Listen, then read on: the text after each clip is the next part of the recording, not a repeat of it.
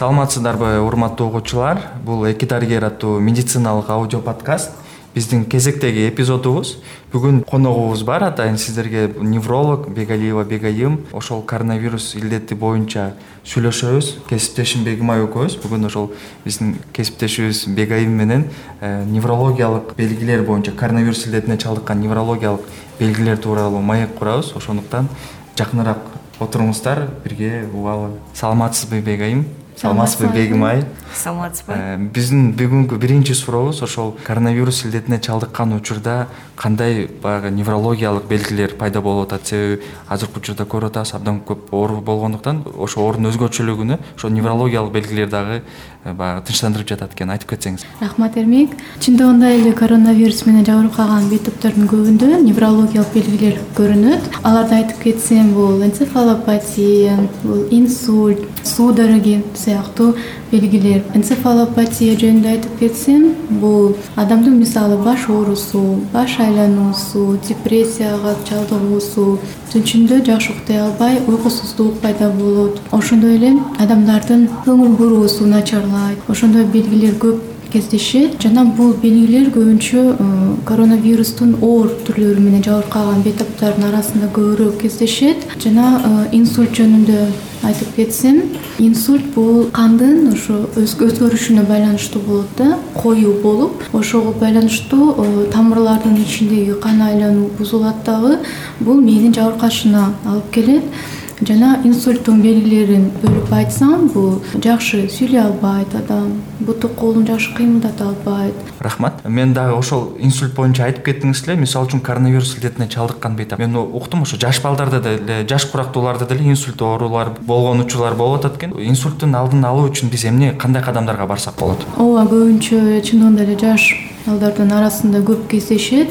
Бул болсо жанакы айтып жатпаймынбы кандын коюлануусу себеп болот. Ошон үчүн биз гепарин сыяктуу фраксипарин сыяктуу дары дармектерди колдонуп жатабыз.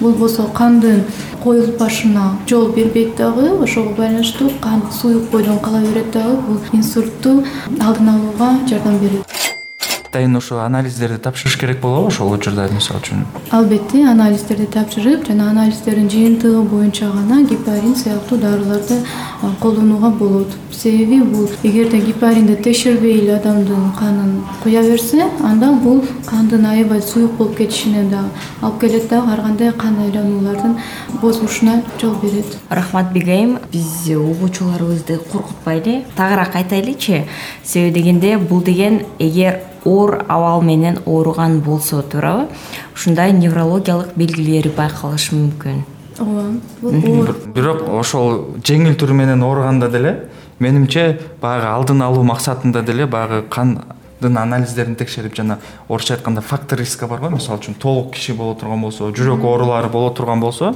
ошондо инсультка кабыл болуусу баягы шансы көбүрөөк болуп атат да. Ошондуктан менимче биз жана айткандай эле профилактика түрүндө балким атайын ошол анализдерди өтүп коюшубуз дагы зарылбы деп ойлойм. Эгер оор боло турган болсо анда аны ошол баягы сиз айткан гепарин фраксипариндерди жасашыбыз керек болот дагы бир жолу кайталап коеюн анда угуучуларыбызга бул э, дары дармектердин баардыгы дарыгер тарабынан берилиш керек. Биринчи дарыгер менен консультация алып анан кийин гана э, ошолорду колдонуңуздар. Себеби дегенде азыр бизден угуп алып анан кийин барып алып анан өздөрү колдонуп ошого жок жок жок. Биринчи дарыгер менен кеңешиңиздер анан кийин сизге керекпи кереги жокпу анализ керекпи кереги жокпу баары сизге айтып беришет ошол жерде мен гепарин жөнүндө да сөз болуп кетти. Мен кошумчалап кетейин баягы дарыгердин көзөмөлүнө деп атпайсызбы. Ошого тиешелүү бир маселени айтып кетейин. Жана хижама деп дагы айтып атты го. Хижамада дагы хижамада дагы ошо канды кан чыгарып атпайбызбы ошол учурда биз баягы адамга жакшылык кылабыз деп наоборот тескерисинче кан ошо гепарин сайып аткан учурда эгер хижама кыла турган болсо кан чыгара турган болсо суюлган кан токтобой адам ошондон дагы каза табышы мүмкүн да. Ошондуктан бул гепаринди дагы сиздер айтып кеттиңиздер туура сөзсүз түрдө баягы дарыгердин көзөмөлү менен гана баягы дайындаш керек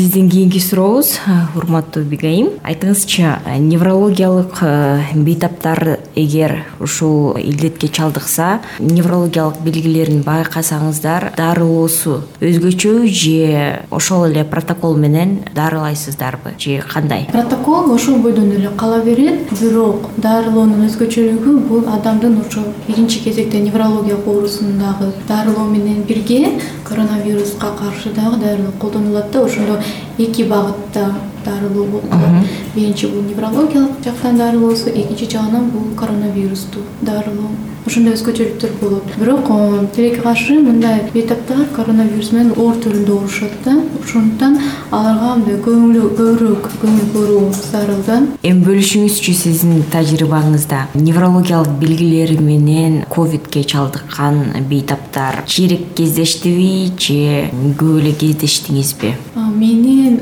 тажрыйбамда ковидтен кийин келген бейтаптар көп болду бул көбүнчө улгайган улгайган адамдар болду. Алардын көбү депрессияга чалдыккан адамдар болушунан жана алар түнчүндө жакшы уктай албайт дегендерин. Көп айтышты да эмнеге десе мен тынчсызданып атам дейт да мен кайрадан ооруп калышым мүмкүн деген ой аларга мындай уктаганга жол бербейт экен да. Анан көбүнчө мага келип ошо айткандары мага уйкуга бир дары жазып берсеңер мага депрессиядан бир дары жазып берсеңер деген бейтаптар көп кездешти да. Ал эми жаштарды айтып кетсем жок жаштар э, коронавирустан кийин деле жакшы эле жакшы жүрүшөт. Эч кандай депрессияга кабылганды деле көргөн жокмун мурункудай эле баары жакшы болуп коркунучтан улам симптомдор чыккан окшойт э улгайган адамдарда менин оюмча бул жерде ошол эмне үчүн улгайган адамдар көбүрөөк коркуп жатат? Бул маалыматтын канчалык мындай өздөрүнө жакын кабыл алгандыгы да. Мисалы үчүн жаштар бул жеңил эле түрү болот турбайбы деп эле менимче баягы мындай психологиялык жактан дагы өздөрүн ошондой даярдашып баягы аксакалдарыбыз болсо бул баягы биринчи толкунда абдан көп каза болбоду адамдарчы. Ошондуктан ошол толкундан кийин дагы көбү коркуп калды деп ойлойм да. Анан э, сиз ошол депрессия анан баягы уйкусуздук деп айтып кеттиңиз да ошол менин мындай бир суроом бар эле сизге. Ошолорго атайын э, психологдордун жардамы керекпи? Баягы реабилитация болуш үчүнчү себеби баягы сиз айткандай депрессияда кабыл болуп көп убакыт бою жүргөндөр дагы байкап жатам да. Ооба чындыгында эле аларга психологиялык жактан врачтар доктурлар жардам берсе жакшы болмок. Себеби алардын көбү дары дармектерге да туруктуу да кандай дары дармек берилсек деле ага деле карабайт да ошондуктан алар менен психиатрлар дагы сүйлөшүп аларга өзүнүн кеңешин беришсе аябай жакшы болмок деп ойлойм.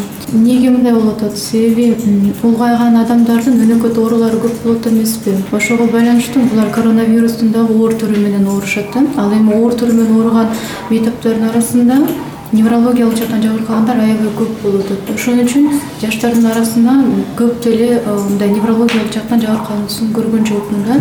Көбүнчө улгайган адамдар себеби өнөкөт оорулары бар. Анан илдеттен айыккандан кийин деле көпкө чейин унута алышпайбы ошо кандай ооруп кантип кыйналгандарынчы көпкө чейин кыйналып анан депрессияга кабыл болуп өзүнүн ошо туугандарын дагы жакындарын дагы аябай мындай көңүлдөрүн да түшүрүшөт да. Мен дагы жеке пикиримди айтып кетсем демек баягы жакындарыбыздын ошо улгайган ата энелерибизге колдообуз керек.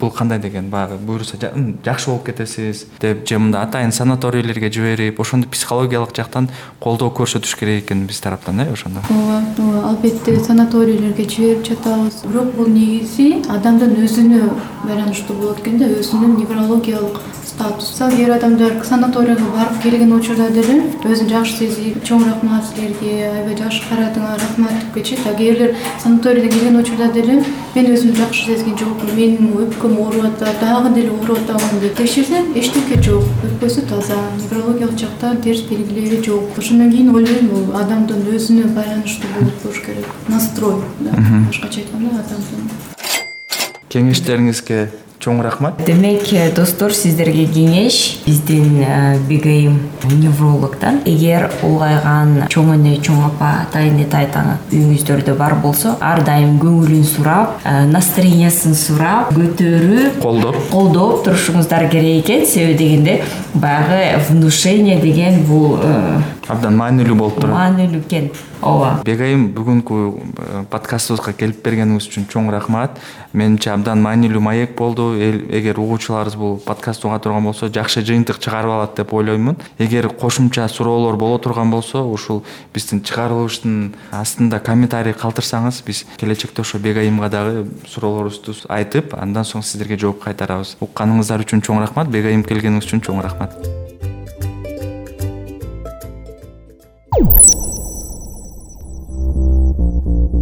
Бул подкаст iwprдын борбордук азияда жаңы медиалардын жана санарип журналистиканын өнүктүрүү аттуу долбоорунун алкагында ишке ашырылды. Бул эпизоддун мазмуну көз караштары ой пикирлери жана алардын чечмелениши подкасттын авторлоруна таандык жана iwprдын расмий көз карашына дал келбеши мүмкүн